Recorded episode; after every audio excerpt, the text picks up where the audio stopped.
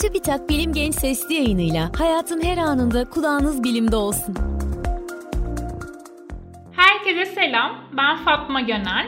Bilim Genç Sesli yayınının bu bölümünde sizlerle proteinleri konuşmak istiyorum.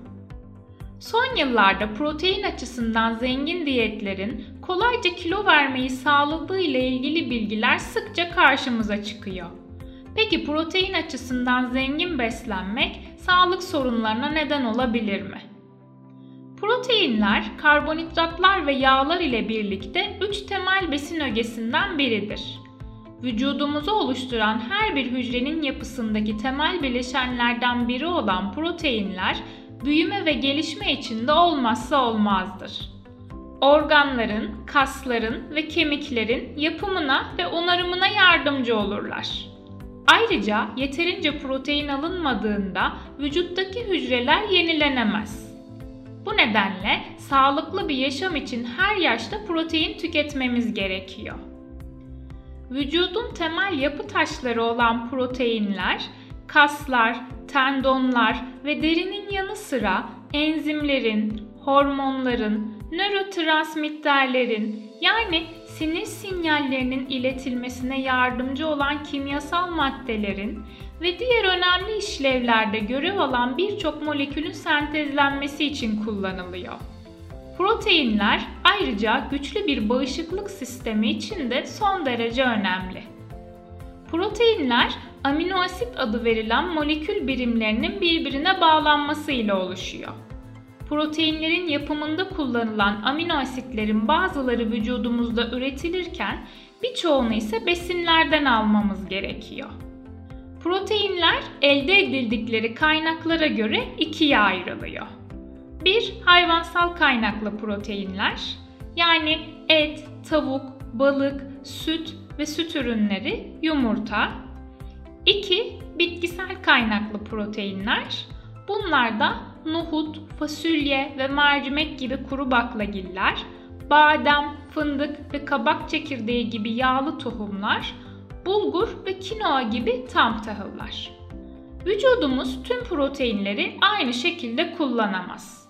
Özellikle bitkilerden alınan proteinlerin vücudumuzdaki biyo yararlılığı daha düşükken hayvansal kaynaklı proteinlerinki daha yüksektir. Bu nedenle sağlıklı bir yaşam için hem bitkisel hem hayvansal kaynaklı proteinleri birlikte tüketmemiz önem taşıyor. Peki bir günde ne kadar protein tüketmeliyiz? Günlük tüketilmesi gereken protein miktarı, yaş, cinsiyet, fiziksel olarak ne kadar aktif olduğumuz, sağlık durumumuz gibi farklı faktörlere bağlı olarak değişiyor. Çoğunlukla yetişkinler için önerilen günlük tüketilmesi gereken protein miktarı vücut kütlesine göre hesaplanabiliyor. Fiziksel aktivite düzeyi düşük olan yetişkinler için vücut kütlesinin kilogramı başına günde en az 0.8 gram protein tüketilmesi öneriliyor. Haftanın birkaç günü bir saat ağırlık egzersizleri yapan kişiler vücut kütlelerinin kilogramı başına günde 1.2 ila 1.6 gram protein tüketebilir. Sağlıklı yetişkinlerin çoğunun vücut kütlesinin kilogramı başına günlük 2 grama kadar protein tüketebileceği düşünülüyor. Profesyonel sporcular için ise günlük tüketilebilecek protein miktarı daha yüksek değerlere çıkabiliyor. Peki ihtiyacımızdan fazla protein almak sağlık sorunlarına neden olabilir mi? Uzun süre yüksek protein tüketmek vücutta bazı sağlık sorunlarına yol açabiliyor. Gelin fazla protein tükettiğimizde vücudumuzda neler olduğuna birlikte bakalım. 1. Kalp hastalıkları. Kırmızı et ve tam yağlı süt ürünlerini çok miktarda tüketmek kalp damar hastalıklarına yol açabiliyor. Bu durumun nedeni hayvansal proteinler açısından zengin beslenmeye bağlı olarak yüksek miktarda doymuş yağ ve kolesterol alımı olabiliyor.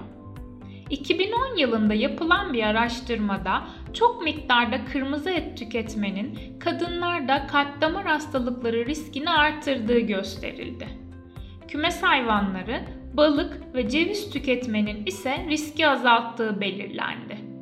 2018'de yapılan başka bir araştırma ise uzun süre fazla miktarda kırmızı et tüketmenin bağırsakta üretilen bir kimyasal madde olan trimetilamin enoksidi arttırabileceğini gösterdi. Bu maddenin kalp damar hastalıkları ile ilişkili olduğunu gösteren çalışmalar bulunuyor. Araştırmalar kırmızı eti daha az tüketmenin bu etkileri tersine çevirdiğini gösteriyor. 2.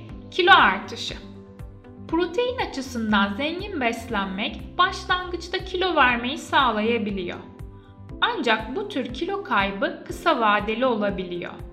Çünkü tüketilen fazla protein genellikle yağ olarak depolanırken vücudun ihtiyaç duyduğundan fazla alınan amino asitler atılıyor. Ayrıca protein açısından zengin bir diyet fazla enerji alımına ve zamanla kilo artışına neden olabiliyor.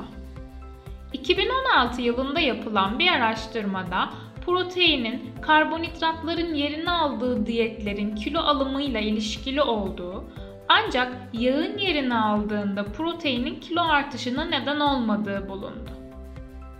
3. Böbrek hasarı Sağlıklı bireylerde protein açısından zengin beslenmenin böbrek hasarına neden olduğunu gösteren güvenilir bir çalışma bulunmuyor. Ancak fazla protein tüketmek böbrek hastalığı olan kişilerde böbrek hasarına neden olabiliyor. Bunun nedeni proteinleri oluşturan amino asitlerde bulunan azot. Fazla protein tüketildiğinde hasarlı böbrekler proteinlerin parçalanması sonucu açığa çıkan fazla azotu ve diğer atık ürünleri filtre etmek için daha çok çalışmak zorunda kalıyor. 4. Kanser riski Çalışmalar özellikle kırmızı et açısından zengin yüksek proteinli diyetlerin kanser riskinin artmasıyla bağlantılı olduğunu gösteriyor. Daha fazla kırmızı veya işlenmiş et yemek kalın bağırsak, meme ve prostat kanseri ile ilişkilendiriliyor. Proteini kırmızı et dışındaki hayvansal ve bitkisel kaynaklardan almak ise kanser riskini azaltabiliyor. Bir diğer faktör kalsiyum ve su kaybı. Özellikle kırmızı et açısından zengin diyetler kalsiyum kaybına neden olabiliyor. Bu durum uzun vadede kemik erimesi ve kemik sağlığının zayıflaması riskinin artmasına neden olabiliyor. Ayrıca fazla protein tüketildiğinde açığa çıkan azot su ile dışarı atılıyor.